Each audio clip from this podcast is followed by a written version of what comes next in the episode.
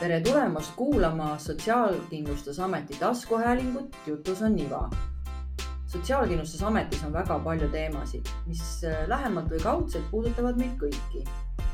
ühes olen ma ka absoluutselt kindel, nimelt kõikide teemadega võiks kursis olla. tänane saade on vägagi informatiivne ja puudutab eelkõige neid inimesi, kes on mõelnud oma elu või töökoha riiki Euroopa Liidus vabalt valida väike sissejuhatus. kui inimene on töötamise või FIE-na tegutsemise tõttu seotud rohkem kui ühe Euroopa Liidu liikmesriigiga, on vaja kindlaks määrata, millise riigi sotsiaalkindlustus talle kehtib.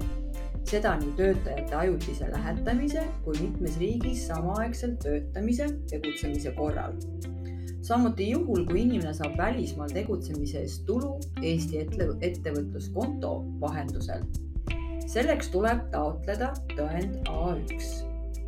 see oluline info on nüüd välja öeldud ja kõigest sellest vestleme edasi äh, Tiina Streltsovaga, kes on hüvitiste osakonna peaspetsialist. tere. tere. Tiina, ma küll juhatasin nüüd põgusalt sisse meie tänase teema, aga alustame päris algusest, et äh, mis see A1 on ja miks on seda vaja A1 tõend on dokument, mis määrab ära isiku kindlustaja riigi, kui on tegemist piiriülese tööga. et äh, see hõlmab endas seda siis, et millises riigis makstakse töötasult isiku sotsiaalmakseid ja millises riigis siis rakenduvad talle kõik sotsiaalkaitsed, perehüvitised, haigushüvitised ja kõik muud sellised et vaja on seda siis kõigil, kes töötavad kas mitmes riigis või käivad lähetuses.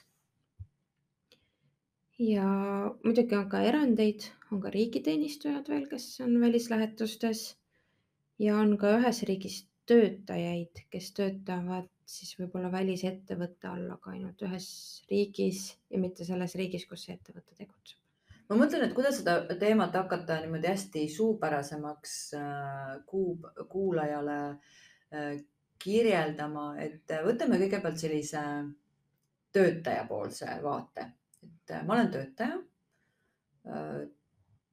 töötan Eesti ettevõttes näiteks ja nüüd see Eesti ettevõte saadab mind tööle kuhugile välisriiki kas mina pean teadma, et mul on vaja seda A1 või kes seda peaks teadma ja kes seda taotleb? Nüüd on palju küsimusi, eks siia reastus, aga, aga noh, need küsimused mul kohe nagu töötajana pähe tekivad mm. -hmm, Need on väga õigustatud ka. hea oleks, kui teaks nii töötaja kui tööandja. kui on tegemist välisriigis töötamise näol lähetusega ehk siis mingi perioodi vältel töötab inimene ainult konkreetses välisriigis, siis peab taotluse esitama tööandja kui inimene töötab mitmes riigis, et ta teeb vahepeal tööd Eestis, vahepeal välisriigis, siis võib ta ka ise seda taotleda, sest on ka olukordi, kus inimesel on näiteks kaks tööandjat, ongi üks on Eestis ja täiesti eraldiseisev tööandja on välisriigis. et siis peabki ta ise tegema, aga kui Eesti ettevõte saadab siis ajutiselt tööle kuskile mingisuguse Soome ettevõtte alla näiteks, siis saab tööandja ka seda taotleda mulle väga meeldib, et äh, sa kirjeldad äh, seda olukorda ka niipidi, et, et noh, mõlemad, mõlemad võiksid teada, et mina kui töötajana võiksin teada seda infot. kas mina kui töötajana pean teadma seda infot või peab seda teadma pigem tööandja? peamiselt on taotlejateks tööandjad ehk siis tööandja, kes siis teeb neid kokkuleppeid ja lepinguid tema peaks teadma, mida talt oodatakse, mida ta töötajatelt oodatakse. aga iga töötaja peaks nagu ise natukene tundma muret selle pärast, mis saab minu sotsiaalkindlustusest, sest ikkagi kindlustame me sellega isikut mm. -hmm. ehk äh, minu huvi on selleks, et ma oleksin sotsiaalselt kindlustatud. kui ma nüüd ei ole, mis siis, mis siis saab? olen parasjagu välisriigis minuga näiteks, mul on vaja arstiabi.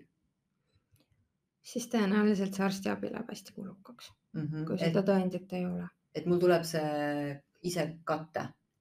kas siis tavaliselt tulevad välja just need olukorrad, kus see A1 vorm on jäetud tegemata? ja väga tihti tulevad välja nad äh, siis, kui inimesega on näiteks juhtunud mõni tööõnnetus ja inimene viibib haiglas. ja siis on see olukord, et ahaa, kindlustajariiki pole määratud, A1 tõendit ei ole. kes need ravikulud nüüd katab mm, -hmm. milline riik?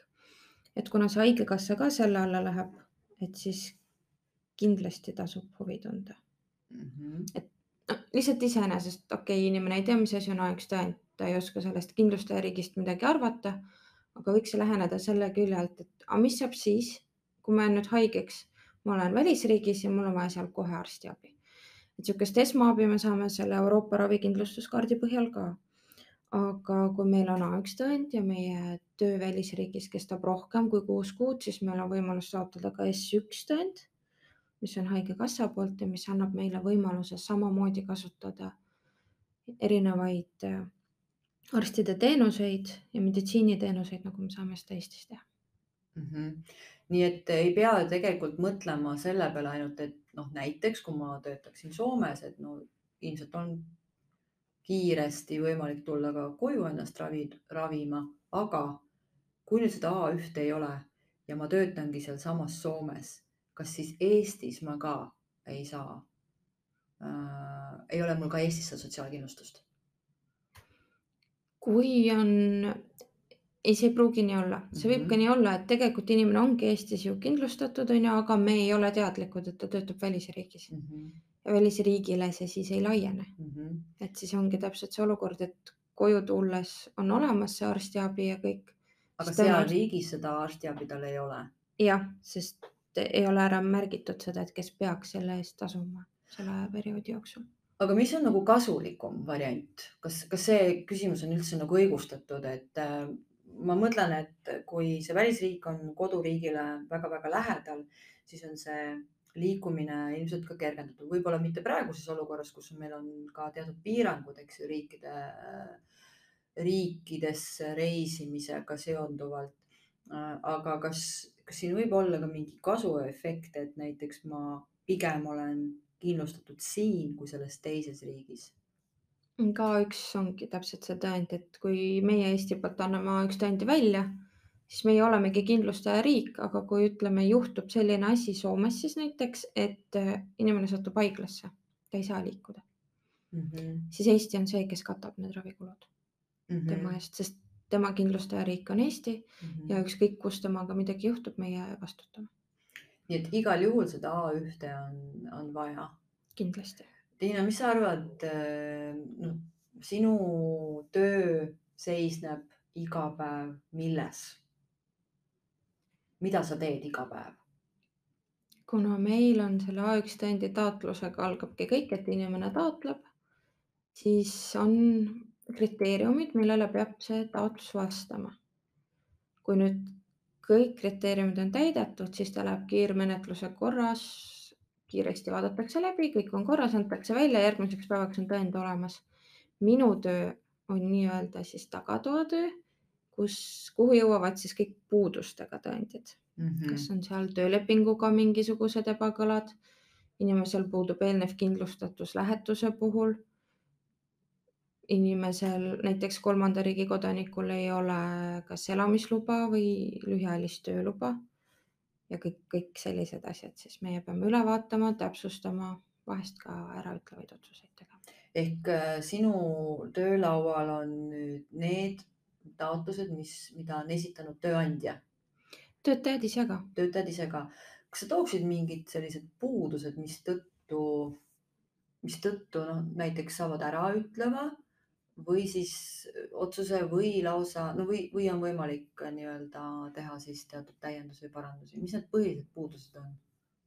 hästi palju puudusi on see, et inimesel on kattuv tõend näiteks eelmise tööandja poolt, et paljud tööandjad arvavad, et ma lõpetan töölepingu tööregistris ära ja siis muud asjad automaatselt lõpevad sellega koos, et tegelikult A1 tõend sellega koos ei lõpe. See tuleb ka ära lõpetada? ja tuleb esitada tühistamise avaldus vastavalt sellele siis, millal see töösuhe läbi sai või millal see töölähetus läbi sai. et tihtipeale ongi, inimene ei saagi uut tõendit, sest samale perioodile kahte erinevat tõendit ei väljastata ja ongi tööandja taga, tööandja pole tühistanud. kas äh, see on tingitud selle tõttu, et ei ole jälle seda teadlikkust või on vaja teha niivõrd palju toiminguid igasuguste paberitega, et seetõttu tulevad sisse sellised vead?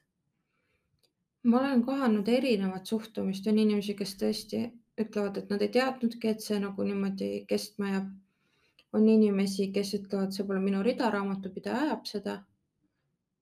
ja on ka neid olnud, kes ütlevadki, ta ei tööta, see pole minu asi enam mm. -hmm.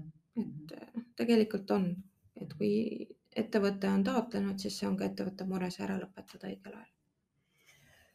Kui äh, see, see nüüd ilmselt võiks huvitada nagu mõlemat, nii töötajat kui tööandjat, et äh, ma saan aru, selle A1 taotlemine ei ole keeruline protsess. ei ole, seda saab teha eesti.ee kaudu, kus saab täpselt, täpselt niimoodi välja minna selleni, et kas siis on töötaja, tööandja, FIE, riigiteenistuja, et sealt otse ära täita online'is Need vaadatakse järgmisel päeval kõik üle, mis läheb järelmenetlusse, mis läheb ilusti, siis kohe läbi, need kinnitatakse.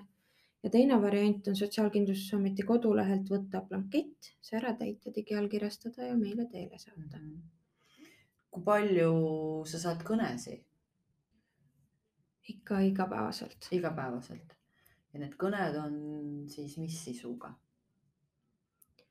Kuna minu töö on nii-öelda siis selle veo poolega tegeleda, siis tihtipeale ongi rahulolematu klient, kes ei saa aru, miks tal üldse seda A1-te on vaja, tihtipeale arvatakse, et see on väravaluba objektile saamiseks.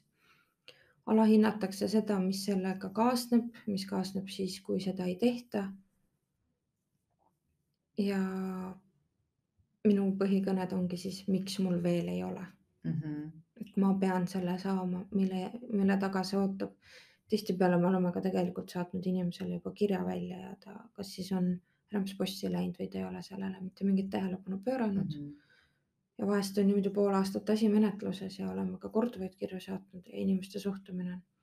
ah, see oli kuu aega tagasi, mis mul enam sellest, et mm -hmm. tegelikult selle antud perioodi eest on ka vaja see kindlustajariik ära määrata et vältida ka näiteks seda olukorda, et ei tohi olla topeltkindlustatud mitmes mhm. riigis korraga. mis siis juhtub, kui ollakse?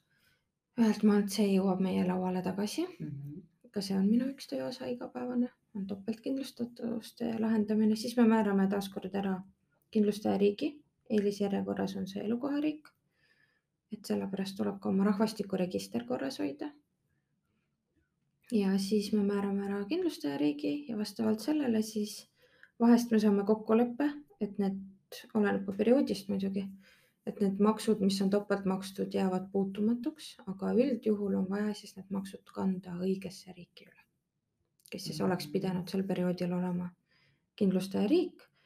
ja tihtipeale, kui on makstud Eestisse ja selleks riigiks on välisriik, siis see on päris kulukas inimesele mm. -hmm sest sa oled ka maininud, tegelikult maininud, et tegelikult need äh, registrid äh, ja see informatsioon nagu laekub äh, no näiteks Soome näitel nagu kahe riigi vahel nagu väga hästi.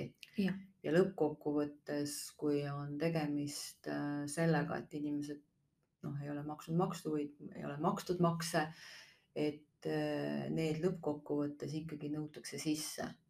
ja loomulikult samamoodi meil on ju koostöö ka Maksuametiga, Haigekassaga, Töötukassaga, et meil see info liigub nii riikidevaheliselt kui siseriiklikult hästi, üsna kiiresti tegelikult.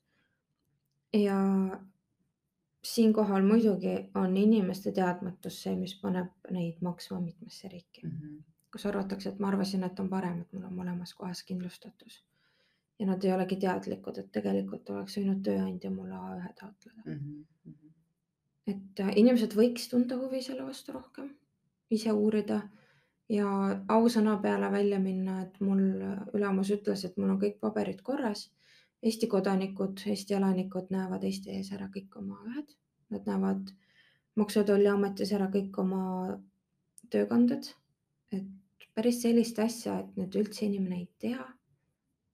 noh, ütleme kolmanda riigi kodaniku puhul, kellel ei ole ligipääsu Eesti eesse või siis teise Euroopa Liidu riigi elaniku puhul on jah keerulisem.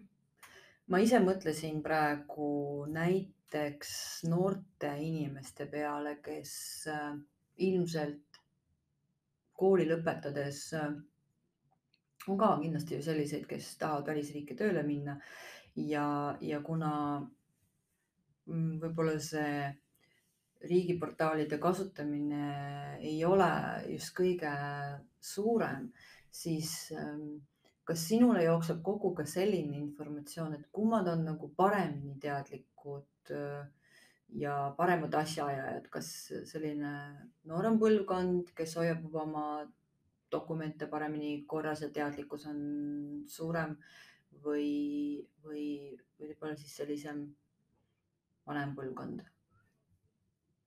Antud kogemuse peal ma julgen öelda, et pigem keskealised inimesed mm, -hmm. kellel on noh, pidevalt seda kogemust olnud, on väga paljud firmad, kes on nii, nii pikalt tegutsenud, et neil enne A1 oli juba E101 mm. -hmm. ja nad on teadlikud ja tööandjad on teadlikumad, kui nad on äh, olnud juba mõnda aega ette, ettevõtluses. et kui on siuksed nooremad, siis nad tihtipeale on kuidagi muretumad mm. -hmm. et muidugi, kui inimene läheb välisriiki tööle, välisettevõtte alla ja töötab ainult seal ja elab seal, siis tal seda A-ühte pole vaja mm. -hmm. et see ongi just see, et mu elukoht on tegelikult Eestis. ma lähen tööle Soome. või siis, et äh, ma olen küll ajutiselt seal Soomes ja võib-olla mul on ka mingil määral mingi sissekirjutus seal. aga et mul on pere siin, mu muidu reaalne elukoht on siin, et iga kord tööl tulles ma olen Eestis oma pere juures, siis ikkagi see A1 võiks olla kas A1 mitte taotlemine võib ka tähendada seda, et äh, on sellist nii-öelda mustalt töötamist, et ei taheta üldse nagu näidata äh, maksude maksmist? ja selle tõttu ei ole ka üks vormi. ja võib küll olla. et tihtipeale ma arvan, et täpselt see ongi üks põhjustest, sest ka töö, me oleme saanud tagantjärgi neid taotlusi.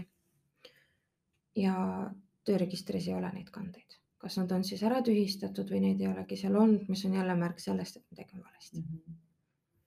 aga on ka olukordi, kus võltsitakse tõendeid. aga ka need jõuavad alati meieni tagasi. Mhm. no keegi meist ju ei taha mõelda, et äh, ja ei mõtle ka, et töötamise ajal nüüd satutakse sellisesse olukorda, kus on, kus on vaja äh, Äh, abi saada, nii-öelda arstiabi saada või, või, või satutakse lausa nagu haiglasse, eriti ma mõtlen, et see võib olla seotud eriti noortega. et miks võib-olla ka seda, seda mõtteviisi jätkuvalt eksisteerib, et, äh, et maksude pealt äh, selles mõttes hoitakse kokku, et siis ehk on see töötasu ka suurem. miks see nii ei ole? Töötasu on korraks suurem jah, aga ühelt maalt me kõik jääme vanaks, meil kõigil on pension ja mille pealt siis seda arvutatakse, tööstaaži pealt, mis on ametlik mm. -hmm. kõikide sotsiaalmaksete pealt, samamoodi ravikindlustus ju seostub sellega, töötuhüvitised, et see on sihuke. ma sain olla viis minutit õnnelik olukord, aga edaspidi see ikkagi maksab kätte ühelt maalt, et ma arvan, et see on rohkem isegi võib-olla tööandja soov kui töötaja soov. ma, praegu lihtsalt eeldan, et, et kes ei tahaks olla äh, sotsiaalselt kindlustatud. et noh, mis kahju sellest saab olla? kui seda küsimust lausa nii püstitada ei, selles ei olegi mingit kahju, see ongi tegelikult täiesti sihuke asi, mis igalühel on ja ma ei kujuta ette, kes ei tahaks, aga ma olen kuna meil ei ole alati just kõige meeldivamad kõned, olen saanud ka neid kõnesid, kus mulle öeldakse, mul on täiesti ükskõik, kas ma olen kindlustatud või ei ole. ja ei lastagi seletada, et mis see, mis see tegelikult tähendab, et nad võib-olla ei, iga kord ei saa aru, mis see sotsiaalne kindlustatus on, et see ei tähenda seda, et sa maksad kindlustustasu nagu panka elukindlustuse eest. vaid see on ju tegelikult need sinu enda sotsiaalmaksud, pension, ravikindlustus, eks ole noored pered tulevad, ütlevad, et aa, ma olin nii palju aastaid seal välismaal tööl ja siis vahepeal Eestis ka ja mitte kuskil see ei kajastu, siis perehüvitised ka kannatavad selle all. nii et tegelikult see kõik on omavahel nagu hästi seotud. sa ikkagi tood selle üldprobleemi minu arvates välja, et inimestel ei ole sellist teadlikkust, et mis see sotsiaalkindlustus siis on, mida see tähendab.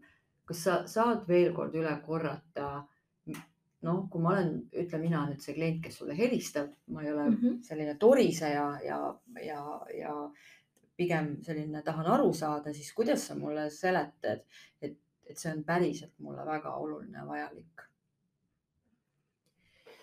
no alustan ma kindlasti sellest, et ma selgitan välja selle olukorra, milles see inimene on, et kuidas ta töötab ja kindlasti, kui ta küsib mu käest, et aga miks mul seda vaja on, siis ma tookski välja selle pensioni, haigushüvitised, ravikindlustuse, see, et sul on võimalus arsti juures käia tegelikult ju ka välismaal, kui sa oled seal töölähetuses. kõik perehüvitised, töötushüvitised, keegi ei ole kaitstud selle eest, et mul täna on töökoht, võib-olla homme enam ei ole. et riik saaks mind aidata, pean ma nagu alguses ikkagi ise ennast aitama. see on ilmselt mõtteviisi küsimus meil veel paljudel inimestel ja inimesed ei süvene sellesse, nad ei mõtle selle peale, et oh, ma nagunii ei ela nii kaua ja issand, kellel seda vaja, noh, mis pension, pensionit nagunii ei saa. aga ühelt maalt me jõuame sinna ikka ja siis sa mõtled küll, et oi, miks ma tookord ei kuulanud. mida teha siis, kui inimene jääb puhkusele, aga enam seal ei tööta või muutub töö iseloom, kas see ka kuidagi mõjutab seda A1 vormi taotlemist või muutmist, lõpetamist? ja kindlasti peaks siis lõpetama kuna on ju erinevad, kõik, kõik on rakendusmääruse ja Euroopa Parlamendi määruse järgi paigas, me midagi peast ise välja ei mõtle, nägude järgi ei otsusta, me ei nägi nägusid. aga seal kindlasti tasub sellega tutvuda, Sotsiaalkindlustusameti kodulehel on kõik see info olemas ka. ja kindlasti, kui on puhkus ja tegemist on näiteks lähetusega ja võib-olla inimene puhkab terve suve siis tegelikult on mõistlik selleks ajaks see leping tühistada ja pärast uuesti avada uut, võib-olla muutub töö iseloom, vastuvõttev firma või see firma, kes lähetab, kindlasti peavad olema kõik andmed korrektsed seal peal. kui sind ei läheta enam eelmine firma, vaid uus firma, siis eelmine peab lõpetama, uus peab alustama. ja lähetuse puhul on selline asi, et see on ajutine olukord ehk siis sada protsenti töötatakse ainult välisriigis Eesti ettevõtte heaks ja see ei tohi ületada kahtekümmet nelja kuud mm. -hmm. ja kui need puhkused, ütleme mõni inimene võib-olla puhkabki kolm kuud, ta on terve sügisperioodi nii kõvasti tööd teinud, et ta nüüd suvel tahab puhata. ta jätab selle A1 tühistamata ja siis järgmine kord ta tahab jälle minna, aga tal on see limiit nüüd täis. et siis rakendub talle tegelikult töökohariigi õigus ja sotsiaalne kindlustatus ja kõik asjad jäävad sinna kuna sinu töö on ikkagi suhteliselt spetsiifiliselt ja spetsiifiline ja sa tegeled nende teemadega iga päev, siis ilmselt seda juttu võidki sa ju rääkida täiesti une pealt, kui nii võtta, kui ei ole näiteks pinget, et sa pead siin minuga vastastikku istuma ja ma siin muudkui küsin.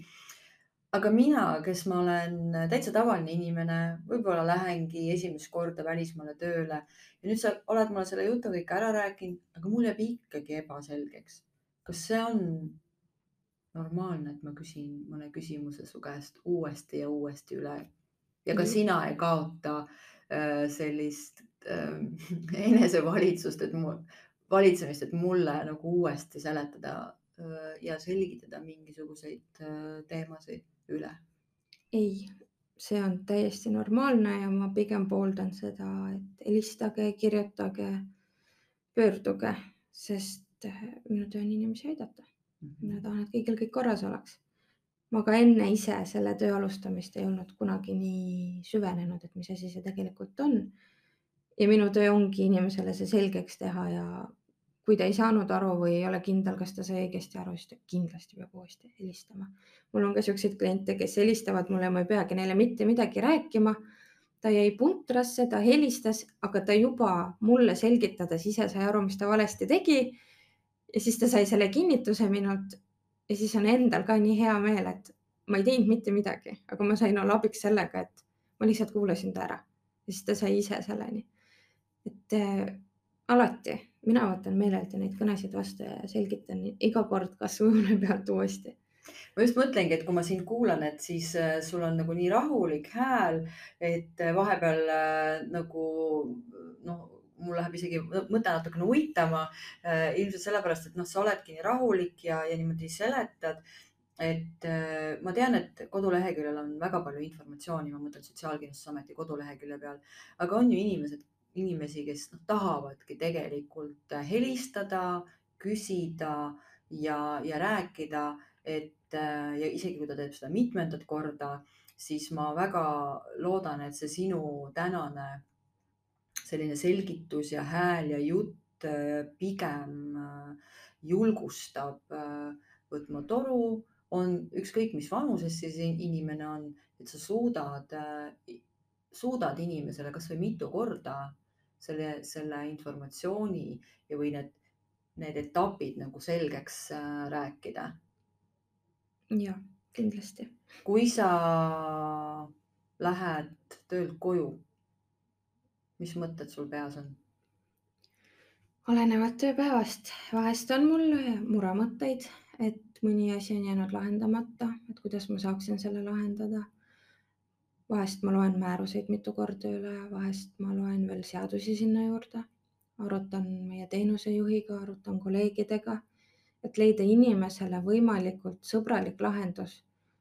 aga noh, kuna ikkagi seadus on paigas, on ju, ja määrused, mis dikteerivad, kuidas teha võib, siis me kahjuks üle oma varju astuda ei saa. paljud pahandavad selle peale. ma saan tihti pahandada, et see on mõttetu bürokraatia võib-olla mingist vaatenurgast see on nii, aga kui see tähendus on hästi selge, et miks mul seda vaja on, siis see tõenäoliselt tegelikult äh, helistada, üle rääkida, teha see taotlus, see on igati seda väärt. Ja üldjuhul ma olen küll rahulik, et ma teen oma elamised, elan enda sees läbi. on vahest kurb olla, vahest ei saagi inimene aru, vahest inimesed ei kuulagi sind, viskavad toru ära, röögivad su peale. aga üldjuhul põhimõtted on mul ikkagi siuksed, et äh, minu töö on aidata kuidas sa siis ennast hoiad, kui sul on olnud ka selline äh, noh, selline vähe raskem päev, lähed koju ja küll mõtled need mõtted läbi ja vaatad äh, määrused, seadused üle, aga kuidas sa ennast hoiad, et ikkagi saaks selle, no saaks ikka öö, ööle minna niimoodi vastu, et mõttes oleks siiski rahus, rahu? no minu puhul ma olen esiteks hästi optimistlik igal asjal on lahendus ja kui ma täna seda ei saanud, ma leian selle homme ja kui homme ei leia, siis ülehomme. küsin abi ja noh, muidugi minul on kodus pere, ma lähen sinna, mul on lapsed, mul on koer ja mu mõtted on juba läinud. Miks ma seda, seda osa nagu tahan ka avada meie kuulajatele, et, et ei ole nii sugugi, et panen kell viis ukse lukku ja, ja kõik mõtted on, töömõtted on pühitud, vaid äh, vaid äh, võtadki ja võtamegi kaasa ka töömõtteid, võtame kaasa neid mõtteid, et kas ma sain aidata kõige paremal äh, viisil. ma loodan, et, et selle A1 teema, teema varjus me saime tuua ka seda väga-väga inimlikku poolt siia sisse ja ma arvan, et äh, kõlama võiks jääda sellest meie vestlusest, et palun otsige abi, küsige ühte näidet äh, nõustamisest te siin kuulsite ja, ja helistage kasvõi mitu korda. Meie Sotsiaalkindlustusameti taskuhäälingus Jutus on iva on õige pea jälle uus vestlus. kuulake meid, võtke meiega ühendust, pakkuge ka ise teemasid ja meie leiame inimesed, kes hea meelega teemasid avavad ja oma kogemusi jagavad. minu vestluskaaslaseks oli täna aga Tiina Streltsova. Te kuulasite Sotsiaalkindlustusameti taskuhäälingut, mina olen Sirle Blumberg ja selle saate salvestas ja lõikas kenasti kokku Katre Kirst kommunikatsiooniosakonnast. Kuulmiseni